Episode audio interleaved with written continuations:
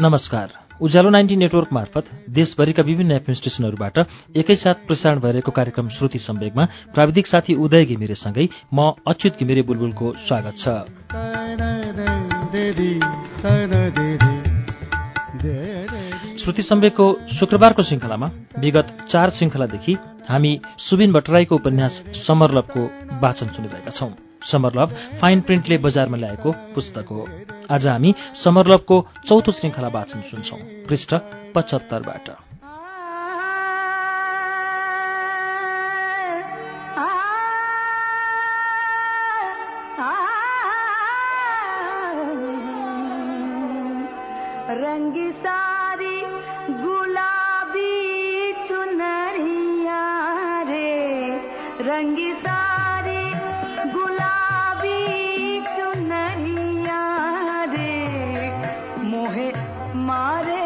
नजरिया सबरिया दुई pack vodka खाइसकेपछि म पुरै चाप एक हाफमाथि अझ अर्को क्वार्टर पनि थपेका थिए उनीहरूले। राति नौ बजीतिर दोहोरी बन्द भयो। स्टेजमा गएर केही ग्राहक नाच्न थाले। केहीले दोहोरी गाइरहेका केटीहरूलाई स्टेजतर्फ तान्न थाले। केटीहरू नाच्न जान मानेनन्। किरण र म नाच्न भनी उठेर गयौँ। माझी दाई पोखरा फेवा तालको बजिरहेको थियो। नजाने पनि यसै जिउ हल्लाउँदै ती केटीहरूको छेउमा उनीहरूलाई छुने न्युमा गयौँ। रक्सी धेरै लागेकोले होस पनि थिएन। पहिले तिनीहरूको हात समाइयो अनि मैले एउटीको कम्मरमै हात लगेँ। कम्मरमा हात लगाउन्जेल त त्यसले केही पनि भनेन तर त्यसपछि हात उसको गालामा पुगेछ। केटीले मलाई फुत्त उत्याइदिए म भुइँमा लडेँ। हत्तनपत्त किरणले नै उठाएर मलाई लग्यो। केटीहरू यो सब दृश्य सक हुँदै हेरिरहेका रहेछन्।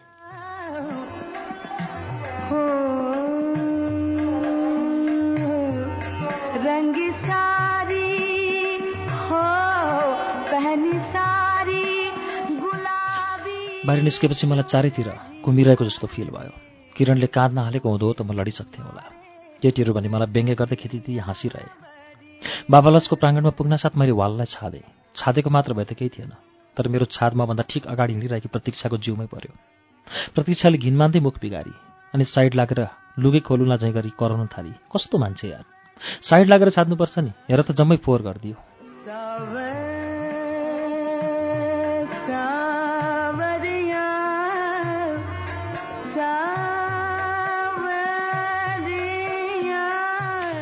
एकछिन अलिक किनारा लागेर कनी कनी छाड्न लागे। तिन चारपल्ट छादिसकेपछि जिउ हलुङ्गो भयो। केटीहरूसँग छुट्टिएर किरण र म स्नो हिलतिरै लागिहाल्यौँ। कोठामा पुग्ने बित्तिकै सुतिहालेँ। बिहानै छ बजे नै हामी पोखरा छाडेर काठमाडौँ फिर्नेवाला थियौँ। बाबालाई अगाडि बस रेडी थियो। बिस्तारै एक एकजना गर्दै बस चढ्ने काम भइरहेको थियो। बाहिर सडकमै सायाहरू भेटिए।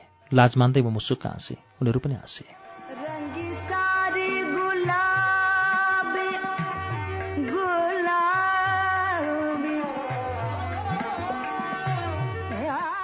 सरी प्रतीक्षा।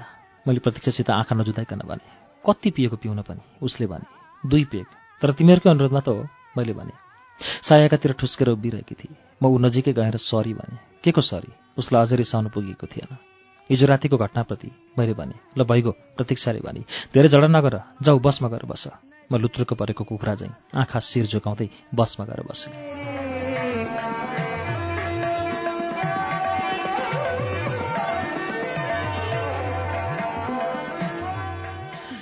बस हिँडेको धेरै बेरपछि सायालाई एउटा एसएमएस गरेँ। सरी साया उसले रिप्लाई गरिन।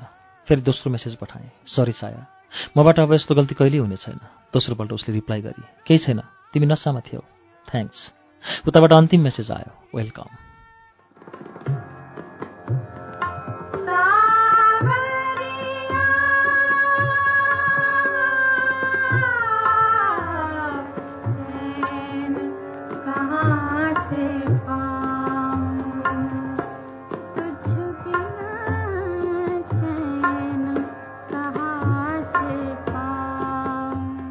एक्जामको रुटिन निस्कियो। सिडी यसमा भुइँचालै आए जस्तो भयो। विद्यार्थीहरू भेटघाट कुराकानी र सरसल्लाह गर्न लागे। सब आत्तीय झैँ चिन्तित झैँ देखिन्थे। भोलि म तेरो घर आउँछु है। कोही एउटा साथीलाई अर्को यसो भनिरहेको हुन्थ्यो। तेरो नोट लिएन यार जम्मै फोटोकपी गर्छु। नोट नबनाउनेहरू नोट मागिरहेका हुन्थे। जब भयो राति अनि बुढी ताती भने चाहिँ सोधिरहेका थिए मिलरको किताबको कति पर्छ? अरू कोही आफूलाई गाह्रो लागेको युनिट दोहोऱ्याएर पढ्ने वातावरण मिलाउन जनमत बटुल्दै थिए। एकपल्ट थापा सरलाई भनेर त्यो क्लाइमेटोलोजीको युनिट थ्री रिभिजन गर्न लगाउन। अघिपछि एक आपसमा नबोल्नेहरू पनि नोटका लागि पहिलेदेखि परिचित साथी चाहिँ व्यवहार गर्न लागेका थिए।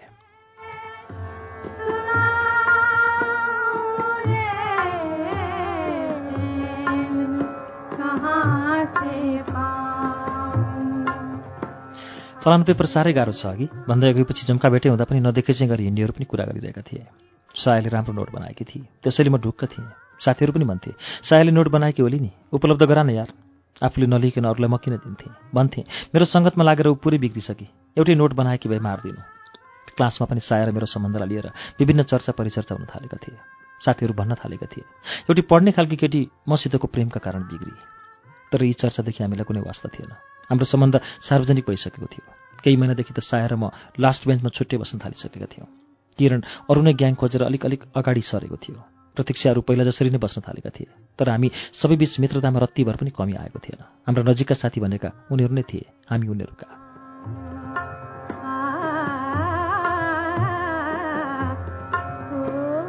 तुझ बिना चैन कहाँ से पाऊं साया र म अलिक बोल्ड हुन थालेका थियौँ।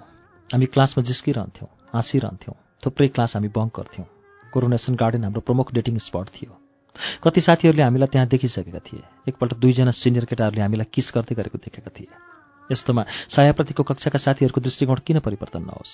उनीहरूको नजरमा साया नपढ्ने बिग्रेकी लुवाट केटी भइसकेकी थिए। म त के कहिले पो राम्रो विद्यार्थी थिएँ र।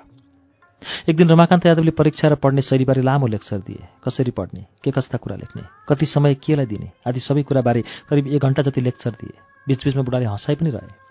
अन्तिममा सब विषयको मोडल क्वेसन पनि दिएर फोटोकपी गरेर लिनु भने। परीक्षाका बेला कम्बाइन स्टडी गर्नु राम्रो पनि हुन्छ भनेका थिए। केटाहरूलाई गत परेछ। कम्बाइन स्टडी गर्नुपर्छ भन्दै केटाहरू पार्टनर खोज्न थाले। हामी पनि किरण कहाँ कम्बाइन स्टडी गर्ने भयौँ।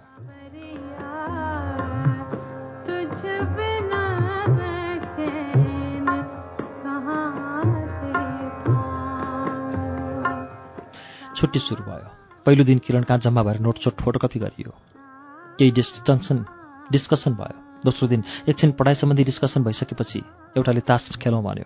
खेल्ने कि नखेल्ने भन्ने बारे लामै डिस्कसन चलेपछि अन्त्यमा खेल्ने कुराले नै जित्यो। सबैजना एउटा सामूहिक तर्कमा कन्भिन्स भए। पढ्ने पनि र खेल्ने पनि। घरमा तिन दिन लगाएर पढ्ने कुरा आखिर त्यहाँ त्यस माहौलमा केही घन्टामै पढिहालिन्थ्यो। बचेको समयमा हल्का मनोरञ्जन किन नगर्ने? पैसा उठाएर तिन बुक तास किनियो। म्यारिज खेल्न सबैजना सहमत भए। खाजाको लागि किरणले नजिकैको होटलबाट बफ चाउमिन र चिया मगायो। ननभेज नखाने एकजना साथीको लागि एक चाउमिन मगाइयो। सबैजनाको प्रश्न के एक खानेलाई भेजमा गर्न सकिन्छ? पहिलो दिन भव्य रमाइलो भयो। चारजना थियौँ जम्मा। जित्नेलाई कसैले छाडेन। फर्कने बेला नयाँ बजारको कोजी रेस्टुरेन्टभित्र लगेर उल्टै जितेभन्दा बढी खर्च गराइयो।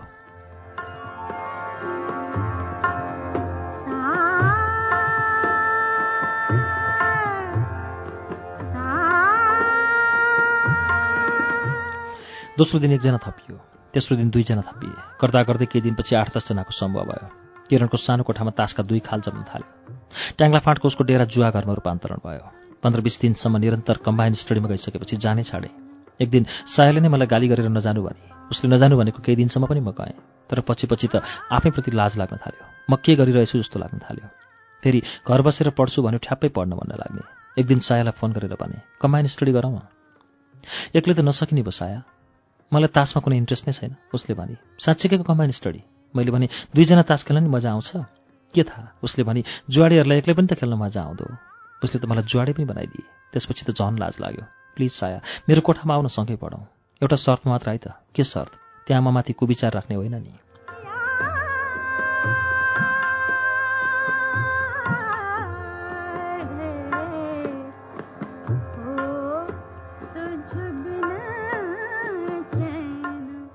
म एकछिन हाँसेँ। दुईजना विपरीत लिङ्गी एउटै कोठामा बस्दा कस्तो कुवि- कुविचार नआउला। खैर यो उसलाई भन्नु थिएन। भने सुविचार नै राखौँला नि। पहिला आउन त आऊ। ऊ मेरो कोठामा आउन थाली। मलाई केही पढ्नै मन नलाग्ने उसलाई बुझेका कुरा मलाई एक्सप्रेसन गरिदेऊ भन्थे। उसले एक्सप्लेन गरिदिएपछि म सब बुझ्थेँ। त्यति बुझ्न कति मिहिनेत गर्नुपर्ने हो। क्लासमा एउटा पुरै लेक्चर ध्यान दिएर सुन्नुपर्ने कुरा उसले दस मिनटमै बुझाइदिन्थे। मलाई क्लासमा ती बोरिङ लेक्चर नसुनेर केही गल्ती गर्ने जस्तो पटक्कै लागेन। फेरि सायासँग पढ्नु नै मजा। उसले पढाउँदा पढाउँदै म उसको अनुहारमा एकटकले हेरिदिन्थेँ।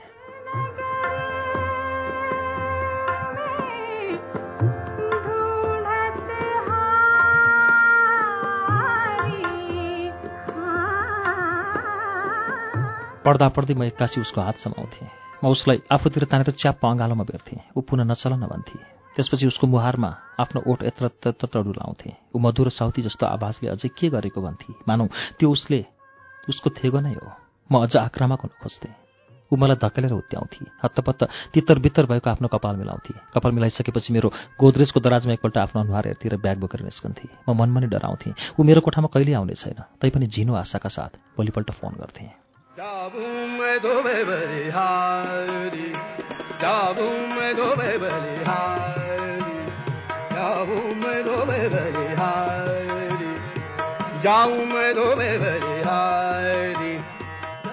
ऊ उसै गरी भन्थे एउटा शर्तमा मात्र आउँछु। मलाई थाहा थियो उसको शर्त। तैपनि थाहा नपाएजे गरी सोधिदिन्थे। के शर्त? आफ्नो नियतमाथि नियन्त्रण गर। ऊ यस्तै केही भन्थे। म हुन्छ भन्थे। ऊ आउँथे। दुई चार घन्टा पढिन्थ्यो। त्यसपछि म उसै गरी उसको हात समाउँथेँ। म उसै गरी के गरेको भन्थे उसले। म आफूलाई रोक्दिनथेँ मलाई थाहा थियो। त्यसपछि उसले के गर्छ? म उसलाई पुनः उसै गरी अँगालोमा कस्थेँ। ऊ उही रुटिन सम्वाद। के गरेको भन्दै आंशिक प्रतिवाद गर्थे। म आफूलाई रोक्न असमर्थ हुन्थेँ। उसको मुहारभरि आक्रामक चुम्बन वर्षाउँदै जान्थे। उसको तातो सासमा लट्ठिन्थे। उसको सुगन्धै बेग्लै। सधैँ हावाभरि छरियोस् जस्तो। गरीब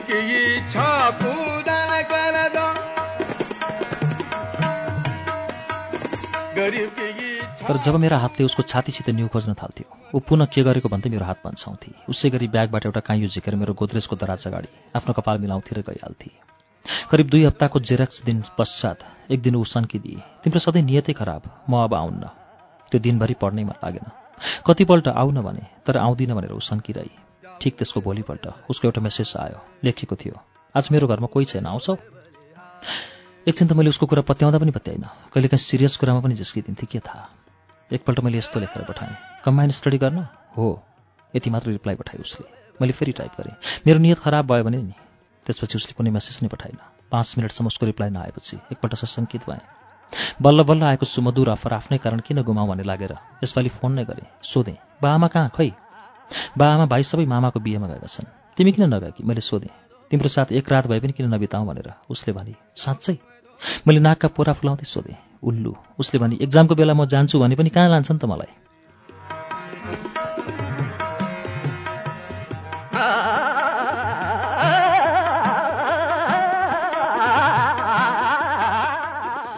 चार दिन बाँकी थियो एक्जाम आउन। विश्वस्त भएँ। उसले राखेको अफर साँच्चै रहेछ। खुसीले मन बुरुक्क भयो। हतार हतार उसको घर गएँ। उसले भनेअनुसार नै साँझमा। पहिलोपल्ट म उसको घरभित्र छिरिरहेको थिएँ। तिन तले घर ठुलो कम्पाउन्ड दाहिनेपट्टि एउटा सानो हरियो चौरको टुक्रा। देब्रेपट्टि मार्बलै मार्बल ओछ्याएर बनाइएको बाटो जुन एउटा सानो ग्यारेज जस्तो ठाउँमा गएर टुङ्गिन्थ्यो। म त्यहाँ पुग्दा वरपरका घरमा भर्खर बत्ती बल्न थालेका थिए। उसको घरको सबभन्दा माथिल्लो तलामा मात्र बत्ती बलेको थियो। म गेटमा पुग्दा ऊ कौसीबाट हात हल्लाएर मलाई बोलाइरहेकी थिए। त्यो घरको गेट खोल्दा अनायास म भित्र गुन्चियो मेरो ससुराली घर अनि हाँसेँ कतिखेर यो कुरा सायालाई सुनाउँ जस्तो भयो? माथि पुग्न साथ मैले उसलाई सुनाइहालेँ प्राणभन्दा प्यारो मेरो ससुराली घर।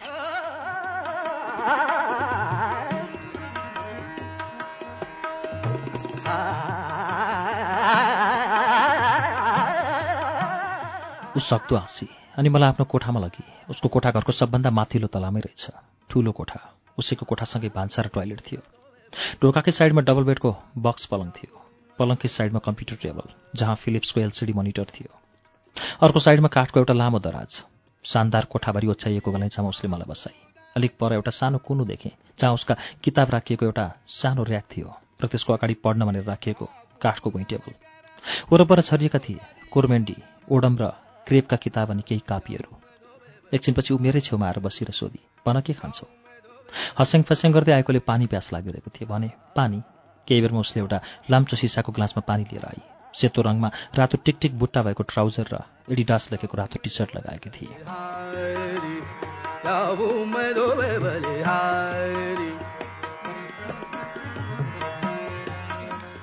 जाडो खासै थिएन। माघ सकिने तर्खरमा थियो। चर्को घाम लाग्थ्यो दिउँसो। त्यहाँ माथि उसको घर हेर्दै पारिलो ठाउँमा थियो। पानी पिइसकेपछि सोधे आज आउँदैनन् कोही? रातिको त बिहा उसले भने भोलि बेलुकी मात्र आउनुहुन्छ। केटी मान्छे एक्लैलाई छाडेर कसरी जान सक्या त मैले भने म कति बस्या छु एक्लै? उसले भनी स्कुल पढ्दादेखि नै बस्थेँ। डर लाग्दैन? जिस्काउने पारामा सोधेँ डर? ऊ एकपल्ट हाँसेर भने डर भन्ने चिज नै मसँग डराएर भएको छ मिस्टर। म केही बोलिनँ। उसैले सोधी ल भन आज के खान्छौ? जे तिमी खुवाउँछौ मैले भने सरी अलिकति मिस्टेक भयो। उसले भने के पिउँछौ? पिउँछौ? म आश्चर्यमा परेँ। भने अर्थात् रक्सी या उसले टाउको हल्लाई। चुरोट जति खाए पनि रक्सी मेरो जिउलाई सुट गर्दैन थियो। यो उसले पोखरामा देखिसकेकी थिए। जतिपल्ट मैले प्रयास गरेको थिएँ रक्सी खानलाई तर हरेकचोटि मैले भमिट गरेको थिएँ। स्वाद नै मन नपर्ने। प्रत्येकपल्ट घाँटीबाट छिराउन साथ वाक्क मन लाग्ने।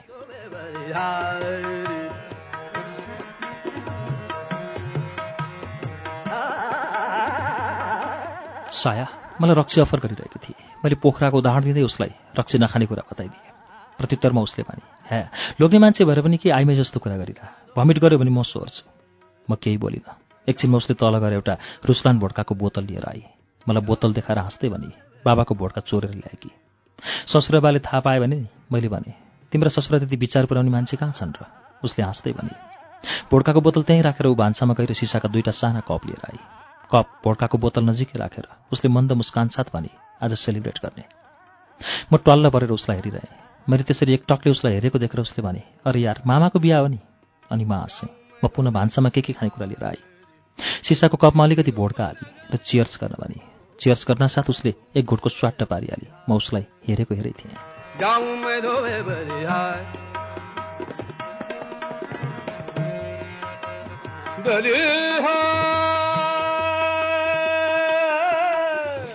के हेऱ्या उल्लु?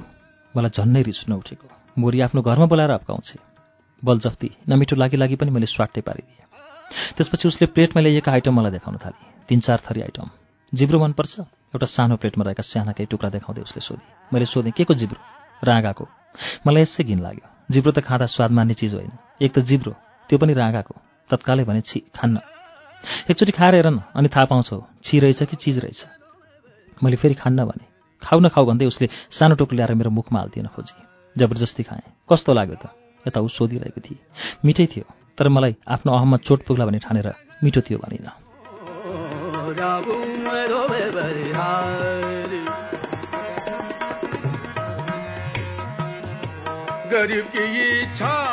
हेर न त्यहाँ उसले नाक खुम्च्याएर मतिर हेर्दै भने मिठो लागि लागि मिठो भन्न नसक्या। राँगासँग फ्रेन्च किस पर्यो? मान्छेसित भए पो ऊ मरिमरि हाँस्न थाली। झ्याप्पै लाइन गयो। ला खत्तम हामी दुवैजनाको मुखबाट यो आवाज निस्क्यो। हत्तनपत्त मैले आफ्नो गोजीको मोबाइल झुकेँ। उसले पनि ऐजन गरेर भने म बत्ती खोज्न गएँ। साया मैले भने उठेर एक पाइलो अगाडि बढाइसकेकी साया मेरो आवाजले पछाडि फर्की। क्यान्डल छैन? उसले भने त्यही त खोज्न जाँदैछु। उसले रातो मोटो क्यान्डल ल्याएर बाली। ऊ नभएको मौका छोपेर एक दुई पिस जिब्रो खाएँ। स्वाद मानी मानिकन। थाहा पायो भने फेरि व्यङ्ग्य गर्थे। ऊ फर्काँदा पनि चबाइ नसकेको जिब्रोको एक टुक्रा मुखमै बाँकी थियो। हतार हतार नचबाई निले।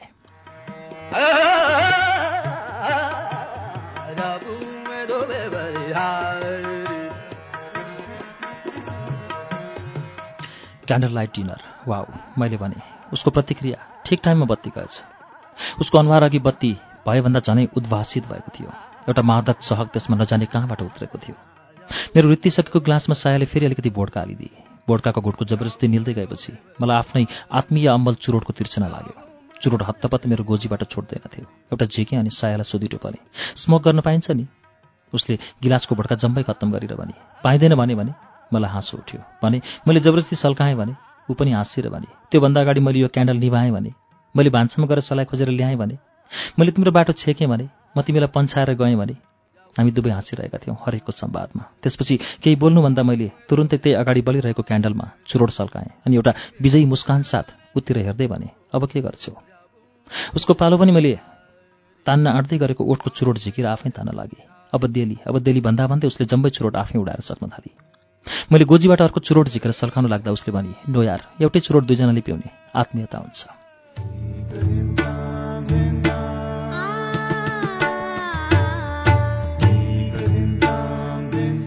कार्यक्रम श्रुति सम्वेकमा अहिले तपाईँले सुनिरहेको वाचन सुबिन भट्टराईको उपन्यास समर लभको वाचन हो। यसको बाँकी अंश केही बेरमा वाचन हुनेछ उज्यालो सुन्दै गर्नुहोला। कार्यक्रम श्रुति सम्वेकमा पुनः स्वागत छ। तपाईँ अहिले उज्यालो नाइन्टी नेटवर्क काठमाडौँसँगै कञ्चनपुरको रेडियो राष्ट्रिय कालीकोटको रेडियो नयाँ कर्णाली जुम्लाको रेडियो कर्णाली हुम्लाको रेडियो कैलाश बैतडीको रेडियो सन्सेर दार्चुलाको नयाँ नेपाल एफएम दार्चुला एफएम र रेडियो मल्लिकार्जुन सुर्खेतको बुलबुले एफएम कैलाली टिकापुर र गुलेरियाको फुलबारी एफएम कैलाली एफएम कैलालीको रेडियो अपी दैलेखको ध्रुवतारा एफएम जाजरकोटको रेडियो हाम्रो पाइला अछामको रेडियो रामारोशन सल्यानको रेडियो राप्ती बाँकेको रेडियो कोहलपुर नेपालगंजको रेडियो बागेश्वरी कपिलवस्तुको रेडियो बुद्ध आवाज गुल्मीको रेडियो रेसुङ्गा बुटवलको रेडियो रिपब्लिक दाङको radio Madhyapaschim radio Prakriti FM र नयाँ युग एफएम रेडियो प्युठान बागलुङको रेडियो सार्थी एफएम र गलकोट एफएमबाट पनि श्रुति सम्वेक सुनिरहनु भएको छ। गोर्खाको Gorakhkali FM दमौलीको radio Bhanubhakta radio Dhor Barahi radio Bandipur र स्मार्ट एफएम पोखराको रेडियो तरंग पाल्पाको पश्चिमाञ्चल एफएम र रेडियो रामपुर रुकुमको रेडियो सिस्ने फलिवासको रेडियो पर्वत चितवनको रेडियो अर्पण रेडियो त्रिवेणी र रेडियो चितवनबाट पनि श्रुति सम्वेक सुनिरहनु भएको छ। त्यसै गरी मकवानपुरको हेटौँडा एफएम काभ्रे धुलीखेलको रेडियो सेफर्ड नुवाकोटको रेडियो त्रिशुली र रेडियो जाल्पा दोलखा जिरीको रेडियो हिमाली रामेछापको रेडियो तीनलाल रौतहटको नुन्थर एफएम सर्लाहीको रेडियो एकता मुक्तेश्वर एफएम र Dhukdhuke FM खोटाङको Halesi FM radio Bardibas Janakpur FM भोजपुरको radio चोमलुङमा एफएम रेडियो तेह्रथुम उदयपुरको रेडियो त्रियुगा सोलुकुम्बुको शिखर एफएम धरानको विजयपुर एफएम मोरङको रेडियो सुनाखरी विराटनगरको रेडियो पूर्वेली आवाज झापाको एफएम मेचिट्युन्स र बिर्ता एफएम रेडियो ताप्लेजुङ र इलाम एफएमबाट पनि एकैसाथ श्रुति सम्वेक प्रसारण भइरहेको छ।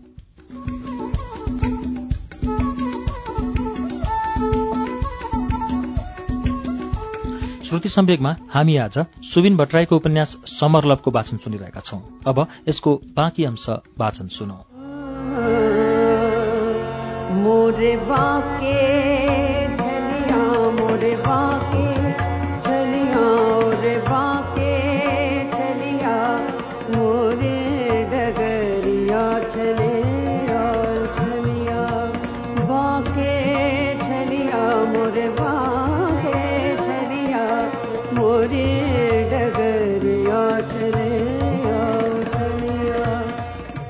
उसको पालो पनि मैले तान्न आँट्दै गरेको ओठको चुरोट चेकेर आफै तान्न थालेँ। अब देली अब देली भन्दा भन्दा उसले जम्मै चुरोट आफै उडाएर सक्न लागि। मैले गोजीबाट अर्को चुरोट झिकेर सर्काउन लाग्दा उसले भने नो यार एउटै चुरोट दुईजनाले पिउने आत्मीयता हुन्छ। उसले आत्मीयता आफ्नै ओठमा सक्न लागेकी थिए अन्धाधुन्द उडाउँदै। मैले उसको मुखबाट चुरोट तोड्न खोज्दा उसले मेरो हात पन्छाइरहे। अनि दुई चार सर्को छिटछिटो तानेर चुरोट मेरो ओठका बीचमा राखिदिए। मैले पनि चुरोटको फाँक लिन थालेँ।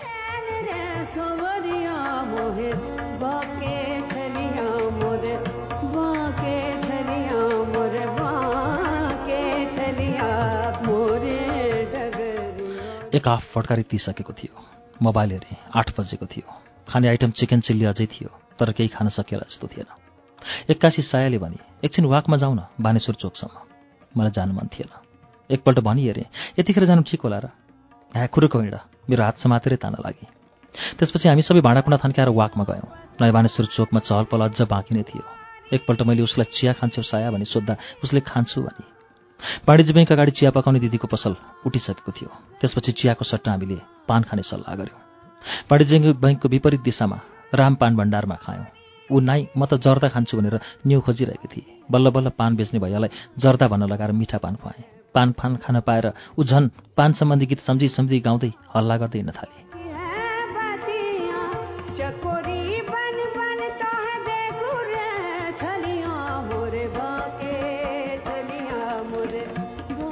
त्यसपछि बिआइसिसी भवनलाई एक राउन्ड परिक्रमा गऱ्यौँ र फर्क्यौँ। त्यति नै बेला मैले भमिट गरेँ। साया पछाडिबाट मलाई थाप्ता पाउँदै थिएँ। उसैलाई कसैले समाइदियोस् जस्तो भइरहेको अवस्थामा। ऊ मलाई समाइरहेकी थिए। भमिट गर्दा अघि स्वाद मानी मानी चोरी चोरी खाएको राँगाको जिब्रो पनि जम्मै गयो। वाकमा गएको हो कि? वाक नगएको हो अझै पो भयो। त्यसै बेला बत्ती आयो। स्ट्रिट लाइटको चहकिलो प्रकाशको किनारा भएर। हामी एकअर्कालाई अङ्गालो हाल्दै घर आइपुग्यौँ। उसको कोठामा छिर्न साथ फेरि अर्कोपल्ट मलाई भमिट भयो। यसपटकको भमिटपछि भने आनन्द भयो। पुरै हलुका भयो शरीर। आधा उदी नसा यो दोस्रो पटकको भमिटले नै लगिदियो।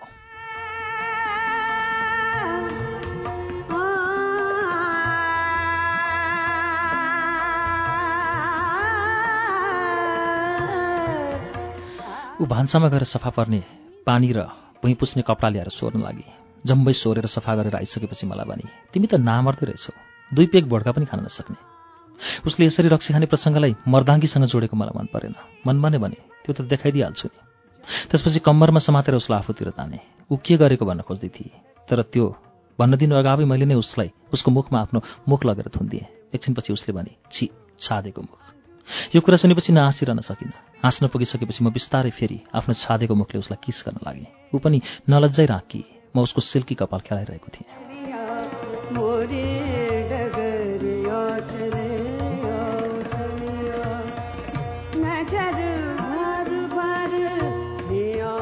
हामी एकअर्कालाई किस गर्दा गर्दै उसको बेडसम्म पुगिसकेका थियौँ।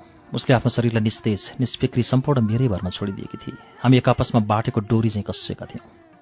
मैले उसको टी सर्ट निकालेँ कालो ब्रा लगाएकी थिएँ। बिस्तारै रोमान्टिक हुन खोज्दै सेतो गर्दनमा किस गर्दै मैले उसको कालो ब्रा खोल्न थालेँ। ठिक त्यति नै बेला मूल गेट खोलेको आवाज आयो। साया अति को आयो? सायाले डराउँदै भने तल डोरबेल बज्यो। हाती त हाती त सायाले टी सर्ट लगाए कपाल मिलाए। तर समस्या त त्यहाँ म थिएँ। मलाई कतै तह लगाउनु थियो उसले। डोरबेल दोस्रोपल्ट पनि बज्यो। भर्खर नौ बज्दै थियो। टाढा टाढाबाट कुकुर बोकेको आवाज आइरहेको थियो। खाटामुनि लुकाउँ भने बक्स पलङ थियो। बक्सभित्र अटाउने भए म पक्का थिएँ। उसले मलाई त्यहीँ एडजस्ट गराउँथ्यो होला।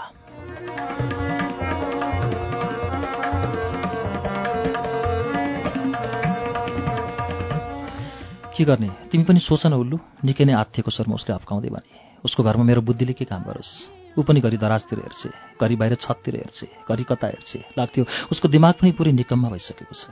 डोरबेल तेस्रोपल्ट बज्यो। उसले मलाई फलामको भर्याङ चढेर जान मिल्ने छतमा जान भने। त्यहाँ मैले नभनुन्जेल ओरिने होइन। म चढ्नुभन्दा अगाडि उसले आदेश दिए। मैले पनि साउथीको स्वरमा भने। रातभरि बस्नुपर्ने स्थिति आयो भने नि। मोबाइल छ होइन साथमा? उसले सोधी।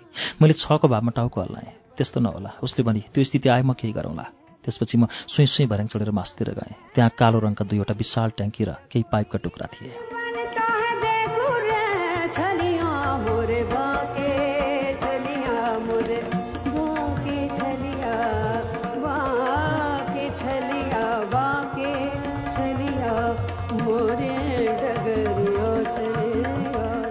माथि हावा पनि बेजोडले चलिरहेको थियो। अर्कातिर चोर पक्रिने हो कि भनी मुटु हल्लिरहेको थियो। त्यो भोड्काको असर त कहाँ हो कहाँ? कुलेलम ठोकिसकेको थियो। करिब पन्ध्र मिनटपछि साया मुसु मुसु हाँस्दै छतमा आई। उसको अवस्था हेर्दा अघि त्यसरी बाघ देख्दाको हरिण चाहिँ अवस्था भएकी साया यही हो र भन्ने लागिरहेको थियो। को रहेछ? मैले सोधेँ। भाइ किन आएको रहेछ? मोरो गिटार लिन आएको रहेछ। बेकारमा त्यता विधि आत्तिएछौँ किन आत्तिनु हुन्थेन भाइ कोठामा आएको भए। ऊ मेरो कोठामा कहिले आउँदैन। भाइ नभएर बा आमा भएको भए। त्यसो भएको खण्डमा त म बेहोसै हुन्थेँ होला उसले भने। बोतलमा अलिकति भोड्का बाँकी थियो उसले त्यो गिलासमा हालेर स्वाट्टै पारे।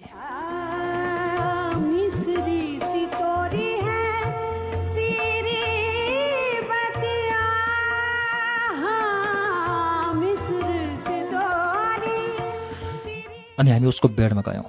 म बसिन सक्दै ऊ मेरो नजिक आई मेरो सर्टको कलरमा च्याप्प समातेर आफूतिर तानी।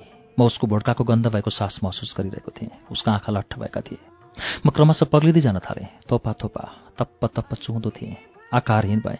हामी एक आपसमा समाहित हुँदै बगिरह्यौँ। छतमा बस्दाको जाडो अब मैले बिर्सिसकेको थिएँ। उसको शरीरको न्यानोपनको आभास मात्र बाँकी थियो। मन त उहिले साटिसकेका थियौँ। त्यो रात हामीले शरीर सुख पनि साट्यौँ।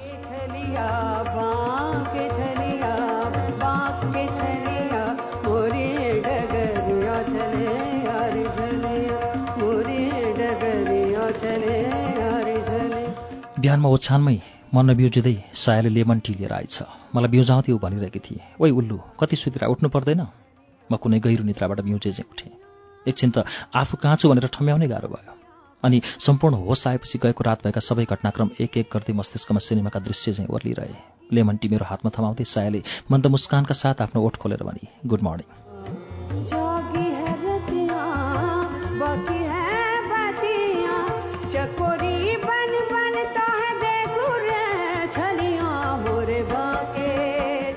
त्यो क्षण कहिल्यै कल्पनै नगरेको भाव एकाएक भित्र आयो। सायाको त्यस किसिमको व्यवहार देखेर मैले एकाएक उसित बिहाको कल्पना गरेँ। उसको जुन चित्र त्यस दिन अघिसम्म मेरो मानसपटलमा थियो त्यो एकाएक परिवर्तित भयो।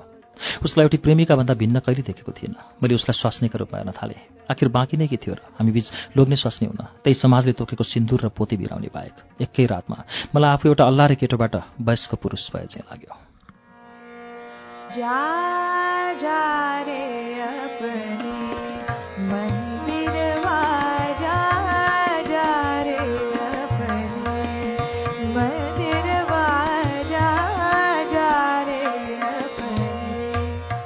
हाम्रो एक्जाम सकियो। नेपाल ल क्याम्पस सेन्टरमा परेको थियो। त्यति टाइट थिएन। सबै पेपर राम्रै भएको थियो। त्यसपछि लगत्तै सेकेन्ड इयरको क्लास पनि सुरु हुन थालिहाल्यो। दिनहरू उस्तै किसिमले बितिरहेका थिए। केही नयाँ प्रगति भएको थिएन। रिजल्ट कुरेर बसिरहेका थियौँ। बानेश्वरमा एकजना मामा बस्नुहुन्थ्यो। सामान्य प्रशासन मन्त्रालयका शाखा अधिकृत। कहिलेकाहीँ खाना पकाउन अल्छी लाग्न साथ मामा माइजू भन्दै जान्थे। त्यस चाँच पनि गएको थिएँ। करिब पाँच बजेको हुँदो। मामा चिया पिउँदै बसिरहनु भएको थियो। जानासाथ माइजूले मलाई पनि चिया ल्याएर टेबलमा राखिदिनु भयो। दुवैजना बुढाबुढीले सँगसँगै म र मेरो घरतिरको खबर सोध्नुभयो।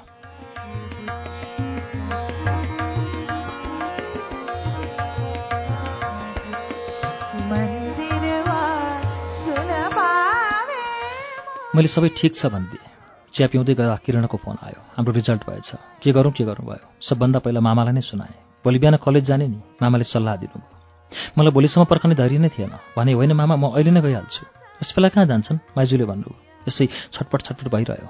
मामाको ल्यान्डलाइनबाट सायालाई फोन गरेर रिजल्ट भएको जानकारी दिएँ तर उसले पहिल्यै थाहा पाइसकेकी रहेछ प्रतीक्षाबाट। खबर सायालाई सुनाउने प्रथम व्यक्ति आफै भएर आफ्नो स्मार्टनेसको उसलाई केही आवाज दिलाउन सकौँला भन्ने हिसाबले उसलाई फोन गरेको त। भेटेर सिडिएस जाने हामीले सल्लाह मिलायौँ। चोकमा उसित भेट्न साथ मैले उसलाई सोधिहालेँ कस्तो फिल भइरहेछ? एक्साइटेड उसले भने मेरो मनमा पनि पुरै ढ्याङ्ग्रो ठोकिरहेको थियो। के होला कसो होला? सबैलाई त हुन्छ।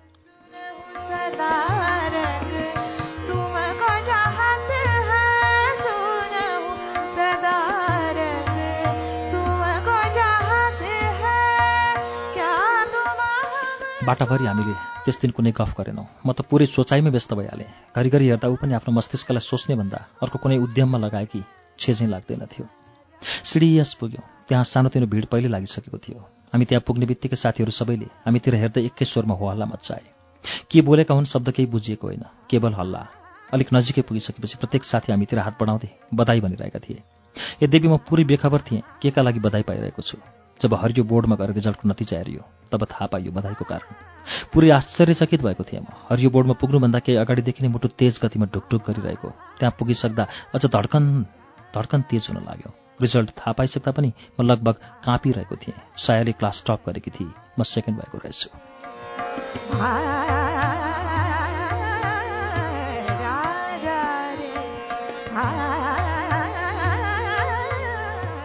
सायाले नब्बे प्रतिशत ल्याएकी थिए। मैले उनानब्बे एकाएक भित्रैबाट खुसीका ज्वारबाटाको उछाल मैले अनुभूत गरेँ। के गरौँ? कसलाई सुनाउ चाहिँ भयो? रिजल्ट के हुन्छ हामीलाई पनि खबर गर्नु है। मैले हट गरेपछि जाने अनुमति दिँदै मामामाजी दुवैले भन्नुभएको थियो हिँड्ने बेलामा। मैले तत्कालै मामालाई फोन गरेँ। त्यसपछि घरमा। फोन पहिला आमाले उठाउनु भयो। मेरो खबर सुनेर आमा रुनु नै भयो। आमालाई धेरै खुसीको र अलिअलि दुःखको खबर सुन्दा रुनु पर्थ्यो। अनि उहाँलाई रुँदै गर्नुहोस् भन्दै बासित कुरा गर्न चाहेको बताएँ। सधैँ गाली जस्तो आवाजमा बोल्ने बा मेरा कुरा सुनेर अलिक मत्थर हुँदै लौ केटोले प्रगति गरेछ है भन्दै हाँस्नुभयो बहिनी पनि फोनमा आई। मेरो खुसीको खबर सुनेर उसले मसित कुर्ता सुरुवालको डिमान्ड गरी उसलाई यसो उसो केही सानैतिनै भए पनि अवसर चाहिन्थ्यो डिमान्ड गर्नलाई। यो त ऊ जस्तीका लागि ठुलै अवसर थियो। मैले हुन्छ भनिदिएँ। कम्तीमा एउटा चियापाटी त चाहिन्छ साथीहरूको डिमान्ड। त्यहाँ भए जति सबैलाई पछाडिको क्यान्टिनमा लग्यौँ। क्यान्टिनमा हाम्रै विषयमा ज्यादा कुरा भयो।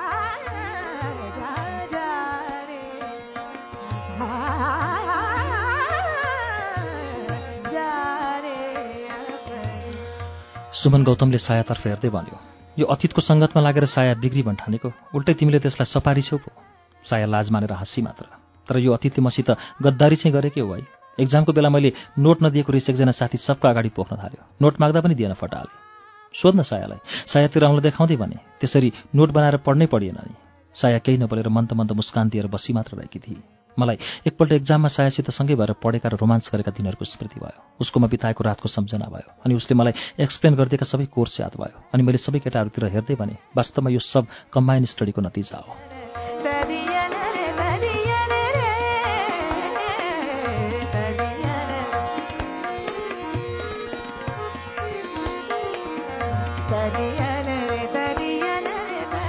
केटाहरूबीच एकपल्ट फेरि हाँसोको वातावरण भयो। साया मेरो कुरो सुनेर पुलुक्क मलाई हेरिरहेकी थिए। सायद उसको ध्यान मेरो कम्बाइन स्टडी शब्दमा गएको हुनुपर्छ। चियाको पैसा मैले तिरेँ। रात परिसकेको थियो। हामी जङ्गलको बाटो झर्दा मैले सायालाई भने थ्याङ्क्स साया। मेरो रिजल्टको क्रेडिट तिमीलाई। साया एकछिन हाँसी मात्र। अनि केही बेरमा भनी अनि मेरो रिजल्टको तिमीलाई? त्यो त विशुद्ध तिम्रै मिहिनेत हो नि साया। होइन? उसले भने केही भूमिका त तिम्रो पनि छ।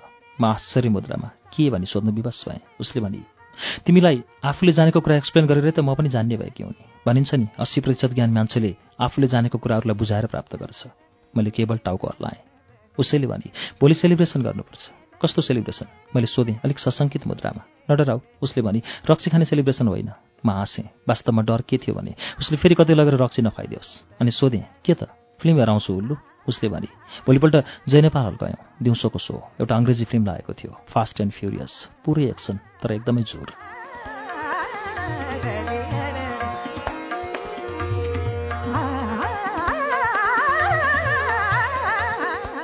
हलबाट निस्कँदा उसैले सोधेकी थिए कस्तो लाग्यो? राम्रो लाग्यो? मैले भने के राम्रो लाग्यो? उसले पुनः सोधी मैले भने तिमीसितको साथ। तिमी नि ऊ एकछिन अड्की अनि फेरि भने। मैले फिल्ममा के राम्रो लाग्यो भने? त्यो त झुर मैले भने। अनि उसलाई पनि सोधेँ तिमीलाई नि मलाई पनि झुर लाग्यो। उसले भ्रिकुटी खुम्चाएर अलिकति हाँस्दै भने अनि त्यहाँबाट नेपाल यातायात चढेर बानेश्वरतर्फ लाग्यो।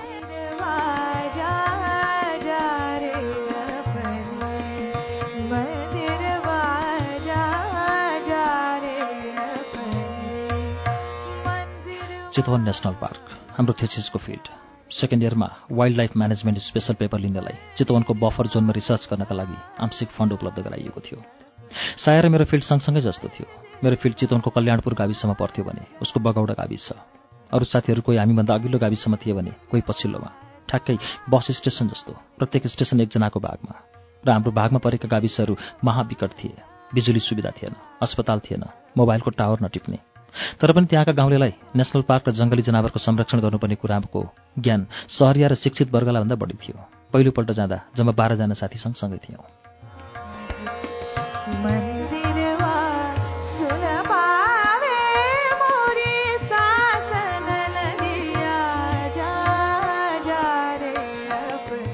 मध्य बर्खा थियो। काठमाडौँबाट निस्कँदा निस्कँदै दर्के पानी परिरहेको थियो तर सबजना पुरै तयारी साथ हिँडेका थिए। रेन सुट र गमबुटका साथ। मैले सायासित एउटा लेडिज छाता मागेको थिएँ। मलाई यस्ता जिनिस बोकेर हिँड्न एकदमै झिँचो लाग्थ्यो। अल्छी कहीँको उसले भनेकी पनि थिए। लम्फू त भन्थे नै अब लिस्टमा अल्छी पनि थपिएको थियो। कुनै दिन मेरो बेवकुफीको नमुना देख्न पाए इडियट पनि भनिदियो। पहिलोपटकको चितवन भ्रमणमा जम्मा तिन दिन बस्यौँ। साया अरू नै साथीहरूको ग्रुपमा मिसी काम गर्नुपर्ने ठाउँ फरक फरक गाविसमा थियो। त्यसैले त्यो बाध्यता बन्यो। उसलाई जहाँ पाएक पर्यो त्यहीँ गएर बसी। उसको काम गर्ने गाविसमा अरू केटीहरू पनि थिए। म कल्याणपुर गाविसमा पर्ने माडी बजारमा साथी समीरसित बसेँ।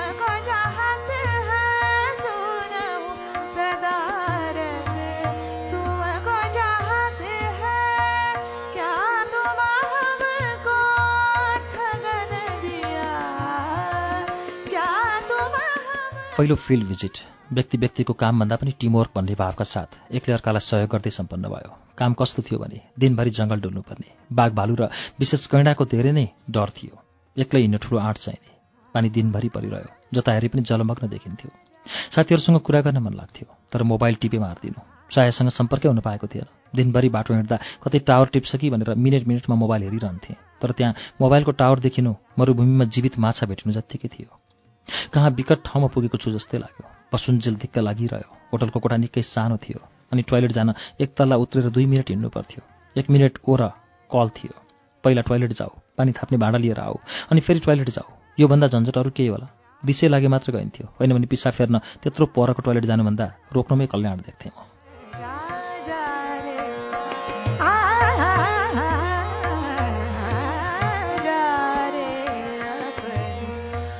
दिन त राति पिसाब लाग्दा छतमै मुतिदिएँ। भोलिपल्ट बिहान उठेर हेर्दा अलिकति पहेँलो झोल जमेर बसेको प्रश्न देखेँ। एक बोतल पानी खनाइदिइसकेपछि त्यसको कलर अलिक फिक्का भयो। ती तिन दिन पुरै जङ्गलै जङ्गल घुमेर डाटा लिइसकेपछि अन्तिम दिनको साँझ गर्दीमा भेला भयौँ। अन्तिम दिनमा गर्दी भन्ने ठाउँमा सबैजना भेटिने र त्यो रात केही सेलिब्रेसन गरेर भोलिपल्ट बिहानै फर्किने योजना हामीले पहिले बनाएका थियौँ। साथीहरू त्यहाँ भेटिने आशले नै त्यहाँ अधिकांश समय व्यतीत गरियो।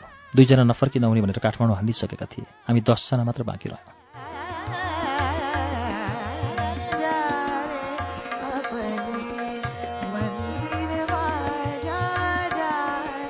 त्यो रात गीत गाउँदा गाउँदै क्याम्प फायरको मजा लिँदै बितायो। सायाको साथ भेटिएको थियो तर ग्रुपमा उसित नजिक हुन सङ्कोच लागेको थियो। सबैले फिल्ड भिजिटको आफ्नो अनुभव सुनाए अनि दोस्रो फिल्ड भिजिट माघमा भयो। पाँच महिनाको ग्यापपछि चितवन गइँदै थियो। यसबीचमा सेकेन्ड इयरको एक्जाममा व्यस्त भयौँ। सेकेन्ड इयरको एक्जाम सकिने बित्तिकै दोस्रो फिल्ड भिजिट तय गर्ने साया र मेरो योजना पहिल्यै बनिसकेको थियो।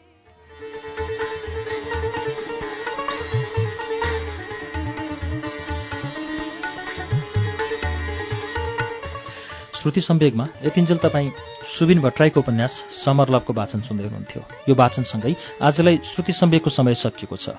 अर्को साता समर लभको पाँचौं श्रृङ्खला लिएर आउनेछौँ। तबसम्मका लागि प्राविधिक साथी उदय घिमिरे र म प्रस्तोता अच्युत घिमिरे बुलबुल विदा चाहन्छौ। शुभरात्रि